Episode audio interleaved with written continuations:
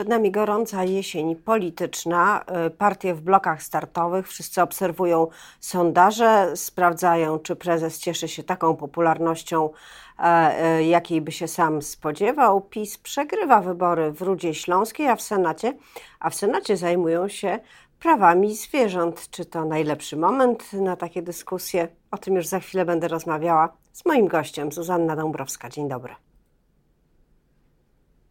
A moim gościem jest wicemarszałek Senatu Gabriela Morawska-Stanecka. Dzień dobry pani senator. Dzień dobry pani, dzień dobry państwu. 1 października po raz drugi Senat będzie dyskutował o prawach zwierząt. Pytanie właściwie już zadałam w samym e, początku naszego programu, czy to jest moment, ten nieformalny początek kampanii wyborczej, e, żeby znowu zajmować się prawami zwierząt. 3 października 3, będzie się kongres, nie pierwszego. Y, moment, moment, każdy jest dobry i na y, pewne kwestie nie ma momentu lepszego czy gorszego. Y, trzeba zajmować się wszystkim. Prawa zwierząt są też bardzo istotne, bardzo ważne w, naszej, w naszym społeczeństwie. Ta świadomość, że zwierzę to nie jest rzecz, mimo że ustawa o y, ochronie zwierząt obowiązuje już od 25 lat, jeszcze nie jest taka powszechna w niektórych środowiskach. To jest bardzo istotne i, i zwierzęta, prawa zwierząt nie mogą czekać na lepszy klimat polityczny.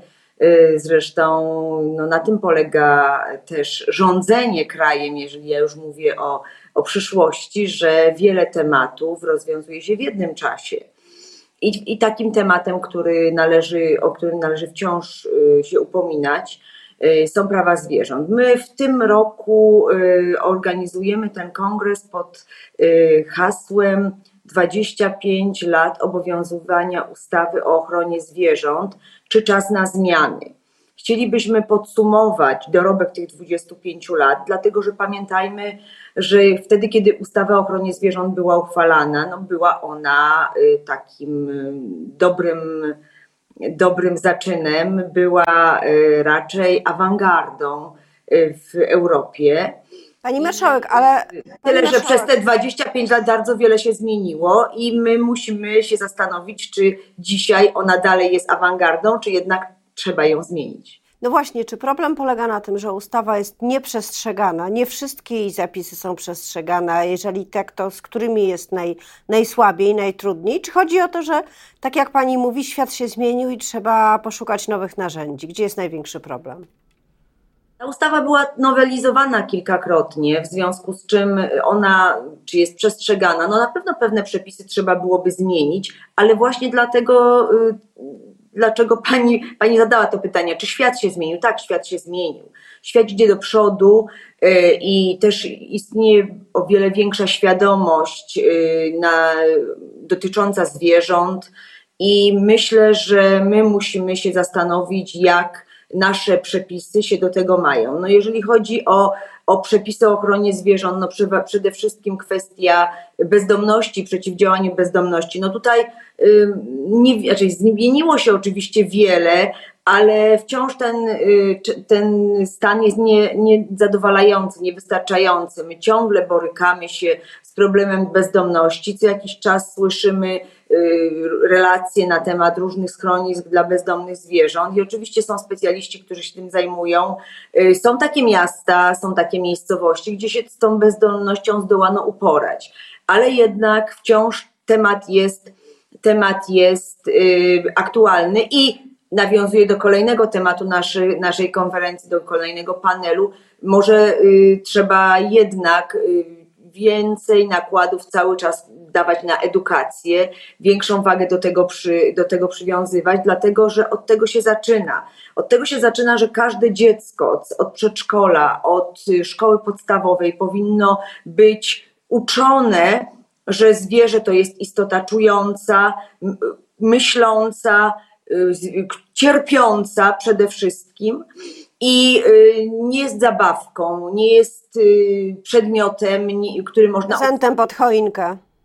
Nie jest prezentem pod choinkę, tu trzeba również edukować rodziców. Na tym polu już są jakieś, jakieś dobre doświadczenia. Przypomnę chociażby kwestię, która przecież kiedy uchwalana była ustawa w ogóle była zupełnie inaczej traktowana, no ryb, karpi y, na święta. Ja pamiętam jeszcze z dzieciństwa, te y, miejsca, gdzie te karpie się tłoczyły bez wody, y, kiedy sprzedawano i ludzie brali te karpie w reklamówkę bez wody i je wynoszono albo kupowano żywe ryby. No dzisiaj jest to w ogóle już, to się zmieniło bardzo. I to się Pani marszałek. pod wpływem różnych, różnych czynników oczywiście, ale też interpretacji ustawy, też niezłomnych prawników. Akurat tu mam na myśli jedną prawniczkę, panią mecenas Karolinę Kuszlewicz, która z uporem przez sześć lat borykała się przez wszystkimi sądami właśnie w walce o prawa y, tych ryb, które, które były w taki sposób traktowane. I to się zmieniło. Wspomniała Pani o nakładach, e, na przykład na edukację, na różnego rodzaju kampanie społeczne, ale mi się wydaje, że edukować trzeba także na przykład samorządowców. Oczywiście nie wszystkich, ale patrząc na to, jak wyglądają przytuliska i schroniska, które gminy mają obowiązek prowadzić w związku z walką z bezdomnością zwierząt, jakie środki są przeznaczane, nie wiem, na karmę, na zabezpieczenie przed zimą, e, no to często można się za głowę złapać, bo to nie żadne, nawet już w tej chwili prywatne, tak jak, tak jak bywało, e, schroniska, nie żadni ajenci, którzy starają się zbić majątek, tylko po prostu gminy nie mają środków na to, żeby ten cel realizować, cel jakim jest walka z bezdomnością. No i tutaj jest problem, dlatego że gminy, nie można ich obwiniać o wszystko. Oczywiście są takie gminy, które y, starają się ze wszystkich sił, bo to zawsze są ludzie to są ludzie. Ja kiedyś, y, kilka lat temu, kiedy jeszcze nie byłam w parlamencie, byłam na takim szkoleniu w Najwyższej Izbie Kontroli, ponieważ wtedy senator Krzysztof Kwiatkowski jako prezes Najwyższej Izby Kontroli organizował takie szkolenia właśnie dla gmin.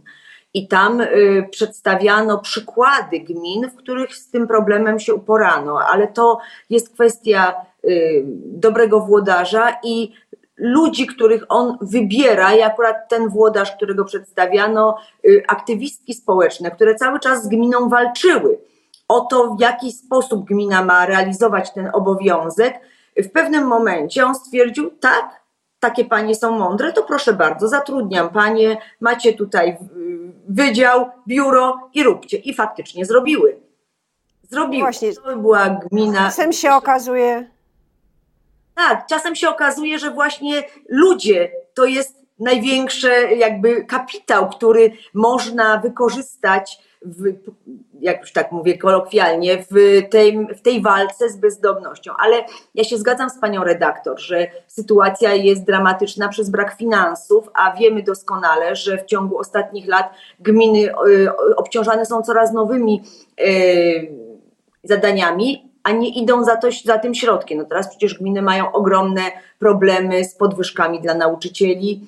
E, będzie problem również przy e, realizacji innych zadań i tutaj trzeba znaleźć jakąś metodę, bo my wiemy doskonale, że każdej zimy każdy parlamentarzysta y, to robi, NGOsy to robią, zbieramy, organizujemy zbiórki karmy, materacy, właśnie takich rzeczy, które by pomogły skroniskom, przytuliskom przetrwać zimę. No i to jest problem. Pamiętajmy również o tym, że wiosną przyjechało do nas mnóstwo zwierząt z Ukrainy. My przecież y, przyjęliśmy mnóstwo właśnie takich zwierząt również do naszych przytulisk. Ja sama organizowałam y, taką akcję dla zwierząt, które były przewożone z, z Ukrainy. I najpierw nasze przytuliska gminne przechowywały te zwierzęta na jakiś czas, a później organizowaliśmy takie akcje adopcyjne. Ale tych zwierząt z pewnością wskutek tej wojny również w przytuliskach przybyło. Pani marszałek, przejdźmy w takim razie od Kongresu Praw Zwierząt, powtórzę 3 października w Senacie, do tego, co w Senacie dzieje się w ogóle, bo tam podobno e, finiszują prace, czy też rozmowy, negocjacje na temat paktu senackiego. Chciałaby Pani, żeby to, co pozwoliło opozycji przejąć Senat w poprzednich wyborach, zostało powtórzone, czy w takiej samej formule? Przede wszystkim trzeba powiedzieć, że dzięki paktowi senackiemu w 2019 roku opozycja wygrała wybory do Senatu. I to trzeba powiedzieć z całą mocą. To był bardzo ważny y, pakt I w tych okręgach, w których no, zdarza, zdarzyło się, że został wystawiony albo sam się wystawił w cudzysłowie jakiś kandydat poza paktem senackim, to tam niestety te wybory przegraliśmy. Tak jak na przykład w okręgu chorzowskim, chorzowsko-świętochłowickim, gdzie jeden z kandydatów no, sam wystartował, nie zważając na pakt senacki i jeszcze w sposób bardzo mylny ustanowił w stosunku do paktu, ustalił swoją nazwę Komitetu Wyborczego. No i wtedy faktycznie wygrał tam PiS. Y, dlatego ważne jest, aby to powtórzyć, aby ten pakt senacki zadziałał i, i zresztą widzimy, że Senat y, pełni ogromną rolę w tej kadencji. Ja myślę, że wszyscy ci, którzy wieszczyli, że ten Senat to tak naprawdę powinno się zlikwidować, że on nie ma racji bytu, nie widzieli sensu y, utrzymywania Senatu, dzisiaj jednak zmienili zdanie, bo on wiele rzeczy dobrych robi. Ja nie mówię o tym y, wszystkim, co leży w Sejmie, bo leżą 82 ustawy, które Senat y, jako inicjatywę ustawodawczą uchwalił i posłał do Sejmu. I gdyby te ustawy pani marszałek łaskawie wyjęła z zamrażarki, to w wielu wypadkach i, i, dla gmin, i dla przedsiębiorców, i dla zwykłych obywateli pewne rozwiązania byłyby o wiele korzystniejsze i ułatwiające życie i funkcjonowanie w tym trudnym czasie. Ale na jakim etapie teraz? Pamiętajmy, Pani marszałek, na jakie... również o wyborach, już jeszcze skończę, o wyborach kopertowych, które Senat zatrzymał. No i pamiętajmy o Rzeczniku Praw Obywatelskich, bo tak naprawdę to dzięki determinacji, uporowi Senatu, y, w którejś rundzie wybraliśmy takiego rzecznika, który nie jest politycznym nominatem i politycznym funkcjonariuszem partii rządzącej. Na jakim etapie teraz są rozmowy? One są na etapie początkowym. To nieprawda, że finiszują. Mamy zresztą ponad y, no, rok do wyborów. Y, te rozmowy zaczęły się w zasadzie na początku lata. My mieliśmy wszyscy w czerwcu spotkanie z przedstawicielami wszystkich, liderami wszystkich partii y, opozycyjnych z Sejmu w Senacie wszyscy senatorowie y, tej demokratycznej większości. I tam padły pewne deklaracje, przede wszystkim deklaracja co do tego, że ten pakt senacki oczywiście należy powtórzyć. Padały też deklaracje dotyczące senatorów, którzy się sprawdzili, którzy obecnie y, funkcjonują w tym pakcie senackim. No i rozmawialiśmy o tym, co zrobić, aby wybory y, po pierwsze wygrać, a po drugie wygrać więcej senatorów z naszej strony y, w tych okręgach, w których jest to możliwe, a takie możliwości są i tutaj senatorowie przedstawiali takie wyliczenia. Y, jest powołany, powołany, no, ukonstytuował się, można powiedzieć, taki zespół przedstawicieli wszystkich partii opozycyjnych sejmowych. I ten zespół rozmawia o, na razie nie o personaliach, na razie o kształcie paktu. I to działa. Ja się tym nie zajmuję, nie interesuję w takim kontekście. No, to nie jest moje, moje zadanie. Dzisiaj ja mam mnóstwo innych rzeczy, ale oczywiście w odpowiednim momencie będziemy rozmawiali o tym już, już indywidualnie.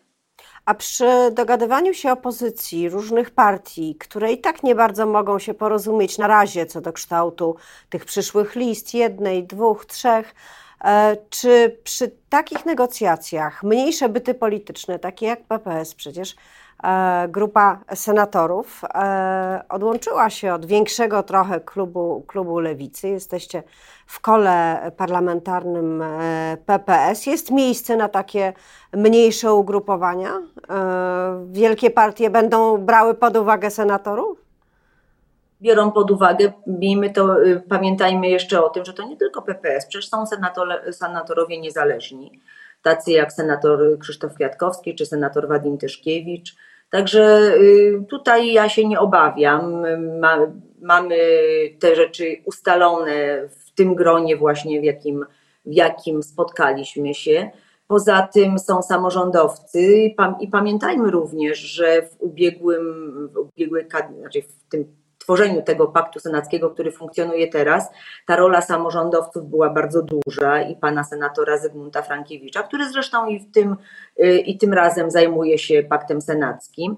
I samorządowcy już wówczas y, wytypowali kilka, kilka osób, które w tym pakcie senackim funkcjonują i właśnie taki jak senator, jak senator Frankiewicz i jak senator Wadim Tyszkiewicz i, i tak dla Polski to stowarzyszenie również y, uczestniczy w tworzeniu tego paktu senackiego, czyli nie tylko partie, ale również samorządowcy, bo samorządowcy są jednak bardzo istotnym elementem życia politycznego. Nie tylko partie polityczne, nie tylko Sejm, Senat, ale również samorządy.